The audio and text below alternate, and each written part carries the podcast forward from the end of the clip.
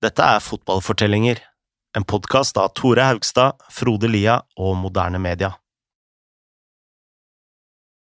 De neste fire årene etter VM i Sverige blir Pelé bedre og bedre. Han smadrer rekorder, hever trofeer og mottar svimlende tilbud fra Europas giganter. Men Pelé velger å bli i Santos. Det gjenspeiler en tid hvor Brasil skal få den beste spilleren, det beste landslaget og det beste klubblaget i verden.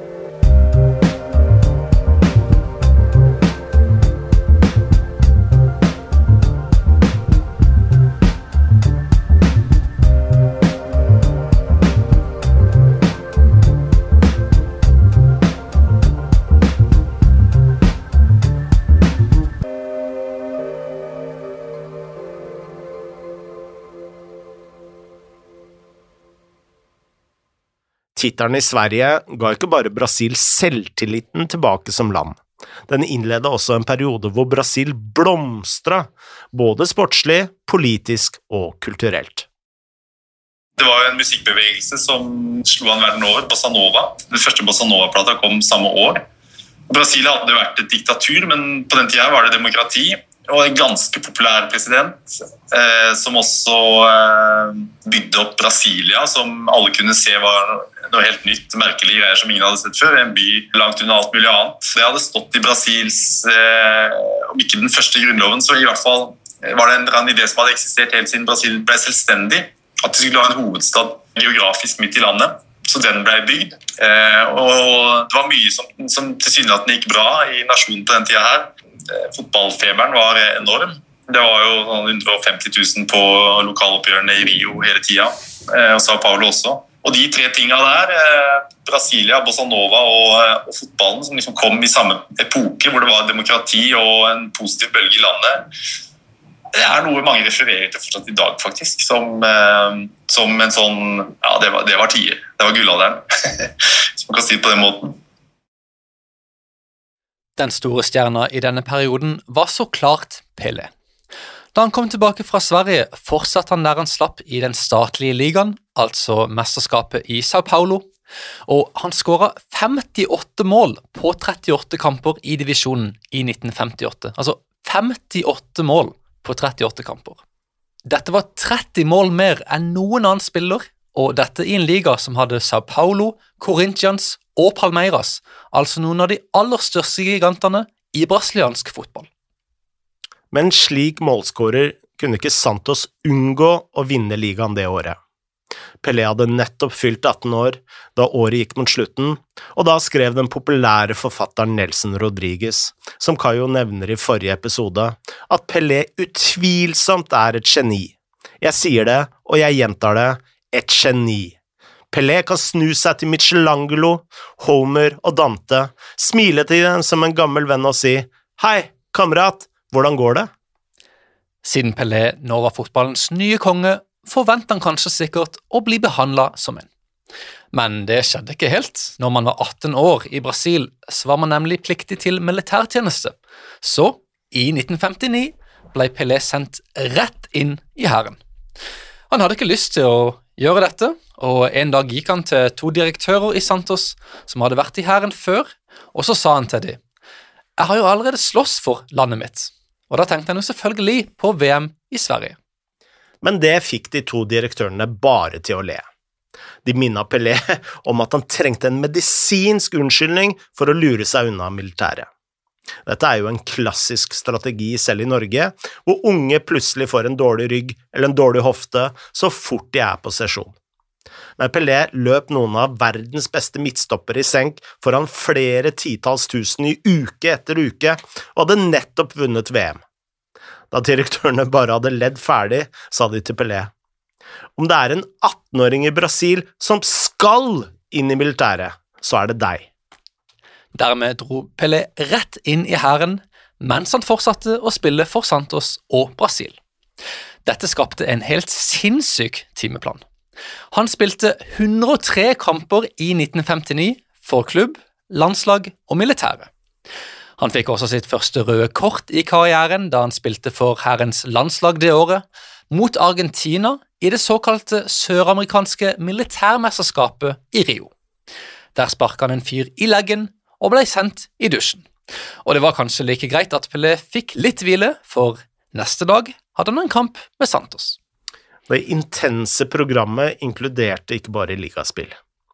Nå som de hadde en verdenskjent attraksjon i Pelé, begynte Santos å dra ut på lange turneer hvor de spilte vennskapskamper i bytte mot fete summer. I 1959 dro de til Europa i seks uker og spilte hele 22 kamper i ni land. Det var som et rockeband ute på turné, og de møtte lag som Real Madrid, Barcelona og Inter. Disse vennskapskampene ble tatt blodseriøst, og det var en selvfølge at Pelé skulle spille hver eneste kamp av dem. Helt åpenbart så ble det han drevet eh, rådrift på, og det var forventa at han skulle levere. Det var et press som han fikk fra klubben. Og Så følte han det sikkert litt sjøl, at han måtte eh, på en måte leve opp til den han var. Det er jo helt naturlig, det ville jo alle gjort. Eh, når han først var i England, klart han ville gjøre sitt beste da, eller spille i Tyskland selv om det er treningskamp. Det var veldig press og veldig rovdrift på han, ingen tvil om det. Men det var jo ikke bare Santos som gjorde det. Botafogo gjorde det samme, og det var den akkurat samme overdriften på Garincha. Han ble, han ble jo etter hvert så skada fordi han spilte så mye kamper. og eh, Han sa han hadde en vepp, det kjentes ut som han hadde en veps som fløy rundt inni kneet hele tida. Nei, nei, du må spille inn med en sprøyte, liksom. Ny oppvisningskamp i morgen. Eh, så det er Ingen tvil om at det var beinhardt eh, for Pelé og Garincha, også for mange andre. Og De spilte tonnevis med kamper.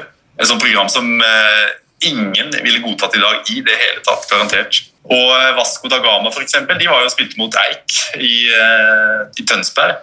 Vasco da Gama er en annen av de absolutt største klubbene i Brasil som Pelé også heia på da han var barn, og også senere gjennom livet, spesielt forhold til Vasco. Fluminense var og spilte mot Lyn. Husker ikke hva det het, ja, men det er et som er, jeg tror nesten vi må kalle det publag, faktisk. Fra Rio, som var og spilte noen kamper oppe i Gjøvik og Hønefoss og noen rare steder.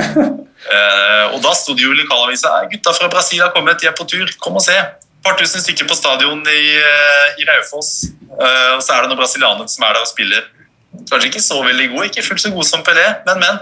De er nå fra Brasil, da. Uh, så det var mange, mange mange lag. Hvis du går inn på uh, og leser gamle norske aviser, så er det masse referater om de matchene der, og det er morsom lesning. Sånn var det helt sikkert i alle land i Europa. Masse brasilianske lag på tur hele tida. Det spredde seg en oppfatning i det brasilianske fotballmiljøet om at de satt på en kapital bare ved at de var klubber og var fra Brasil. Og Da så alle sitt snitt til å, eh, til å, tjene penger på det. Og eh, Santos var nok de som tjente mest pga. Pelé. Dette må ha vært beinhardt for Pelé. Han var kun 18 år, og vi kan bare forestille oss den oppmerksomheten fra pressen og de forventningene fra fansen som hele tida hang over han. Men ifølge lagkameratene var han allerede flink til å håndtere denne statusen, i hvert fall ifølge midtbanespilleren Lima, som Kayo har snakka med. Lima played with Pelé in Santos for, for Santos at, during 10 years, and he lived in the same house as Pelé. And he says that Pelé was so laid back. Pelé loved playing the guitar, loved having the music on when they were on that, that Santos tours because Lima was Pelé's roommate during all those years in the Pelé, the Santos tours around the world. And Pelé always had the radio on, always was singing something in the room, and that Pelé could be cheeky as well, like to use someone's hairbrush without asking, someone's toothpaste, joke with someone. Da Pelé var ute av hæren, fortsatte han å herje. I mars 1961 spilte han for Santos mot Fluminense på Maracana, og plutselig fikk han ballen utenfor boksen, dribla seg forbi halve laget og satte ballen nede i nota. Siden kampen ikke gikk på TV, så var det kun de som var til stede på Maracana som fikk sette dette målet. Baraidu skulle få et eget uttrykk som fortsatt er en del av brasiliansk fotballeksikon. So going back to Nelson Rodriguez, Nelson Rodriguez conceived the concept that is still is still used in Brazilian football called gol de placa. Basically, a goal worth a plaque, and uh, it happened because Pelé scored an amazing goal against Fluminense at Maracanã in the early 60s. And Nelson Rodriguez wrote in one of his pieces that Pelé scored a gol de placa. So since then, whenever someone scores a screamer, how we say in English, or a beautiful goal, a stunning goal. In Portuguese, we say gol de placa, and it's something that Pelé created basically. Not he, he not created, but he was the star of the play that generated the, the words. So even even not being directly involved in in that, he's still part of that. We still use today like uh, uh, let me give you an example. I don't know. Neymar scored a goal de placa for PSG, and everybody will know that we, it was an stunning goal. Dette var ikke det eneste praktmålet Pelé skåra. I en kamp mot Guarani i det statlige mesterskapet fikk han ballen, lobba han over to motstandere, dribla seg forbi en tredje og banka til mot mål. Ballen fløy som en kanon i tverra, spratt ned på streken og så ut igjen. Alle så mot dommeren, som ga målet, før Guarani protesterte vilt. De mente bastant at ballen ikke hadde kryssa streken. Men da sa dommeren noe som overraska alle. Han sa rett ut at «Ei, jeg bryr meg ikke om ballen var inne eller ei. Så flott var den prestasjonen til Pelé at jeg kommer til å gi det målet uansett. Statistikken til Pelé i denne perioden var jo helt utrolig. I offisielle kamper i 1959, altså utenom turneene, skåra han hele 60 mål, og i 1961 fant han nettet 62 ganger.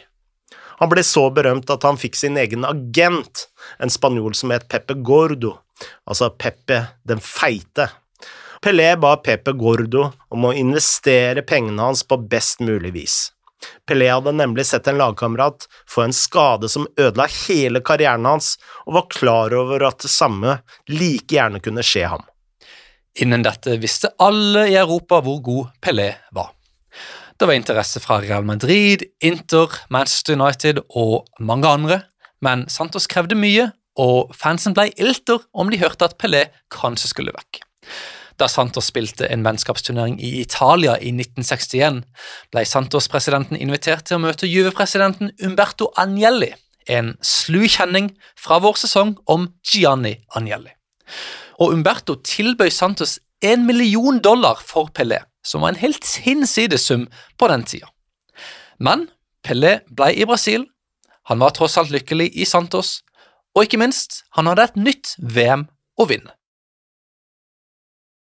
VM i 1962 skulle gå av stabelen i Chile. Pelé var 21 år og veletablert som den beste spilleren i verden, men som i Sverige sleit han med en skade før turneringa, og denne gangen hadde han en vond lysk, et resultat av det blytunge kampprogrammet. Staben bak Brasils VM var nesten helt lik som den i 1958. Havelange var selvsagt fortsatt president, og sjefen for kommisjonen var igjen Paulo Machado di Carvalho, som var så overtroisk at han kun hadde gått med brune dresser de siste fire årene. Nå som Brasil skulle til Chile, insisterte han på å bruke det samme flyselskapet og den samme piloten som i 1958.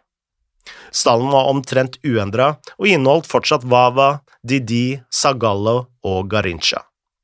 Omtrent det eneste nye fjeset var treneren Aymor Moreira, da vi sendte Fiola var syk. Heldigvis for alle i Brasil-leiren ble Pelé meldt spilleklar av dr. Gosling til første kamp. Brasil møtte Mexico ved kystbyen Vinja del Mar, hvor de spilte alle sine kamper i gruppa, og vant 2-1.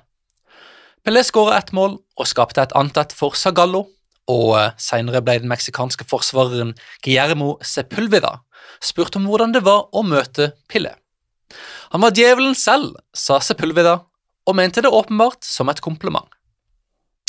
Brasils neste motstander var Tsjekkoslovakia.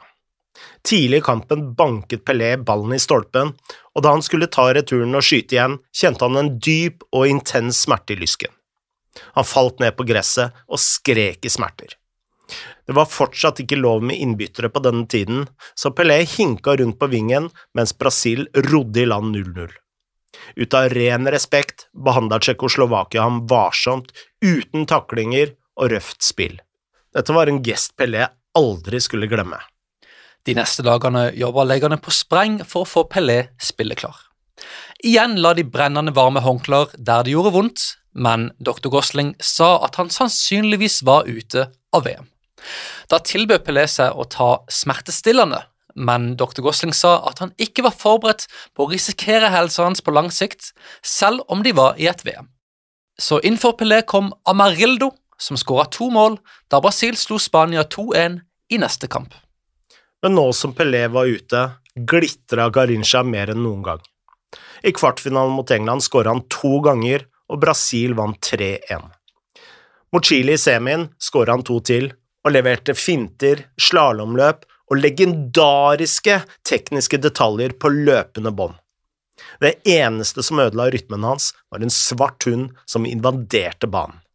Forfatteren Chris Freddy, som har skrevet om hver eneste kamp i VM, har sagt at bare Maradona har dominert et VM så kraftig i kvartfinalene og semifinalene. Men chilenerne ga seg ikke uten fight. De klarte å provosere Garincha så kraftig at han sparka til en av de og ble utvist. På vei av banen ble Garincha truffet i hodet av en flaske og trengte sting for å lege såret. Brasil vant 4-2, men nå måtte de spille finalen mot Tsjekkoslovakia uten sin store stjerne. Nå gikk VM-kommisjonen opp i høygir. De jobba på spreng for å få Fifa til å oppheve suspensjonen. Linjedommeren som hadde sett forseelsen, forlot på mystisk vis landet neste morgen visstnok etter at et brasiliansk medlem av Fifa-styret hadde overtalt ham til å dra tilbake til Montevideo. Til slutt klarte Brasil å få opphevet Garinchas suspensjon. Og mens dette skjedde, hva med Pelé? Han hadde prøvd å bli klar til finalen, så desperat var han etter å spille, men da han hadde tatt en corner på trening, hadde han slått opp igjen lyskeskaden. Han var nå så nedbrutt at han bare ville dra hjem til Brasil, men dr. Gosling ba han om å bli der litt til, sånn at Tsjekkoslovakia skulle tro at han kanskje kom til å spille finalen. Dermed stilte Brasil i finalen uten Pelé og med Garincha. Men Garincha hadde 39 i feber, gikk på smertestillende og gjorde lite ut av seg. Det betydde uansett ingenting. Selv uten sine to stjerner tok Brasil en 3-1-seier i Santiago og vant VM for andre gang. Pelé hadde igjen nådd verdenstoppen med landslaget. Nå gjensto det bare å gjøre det samme med Santos.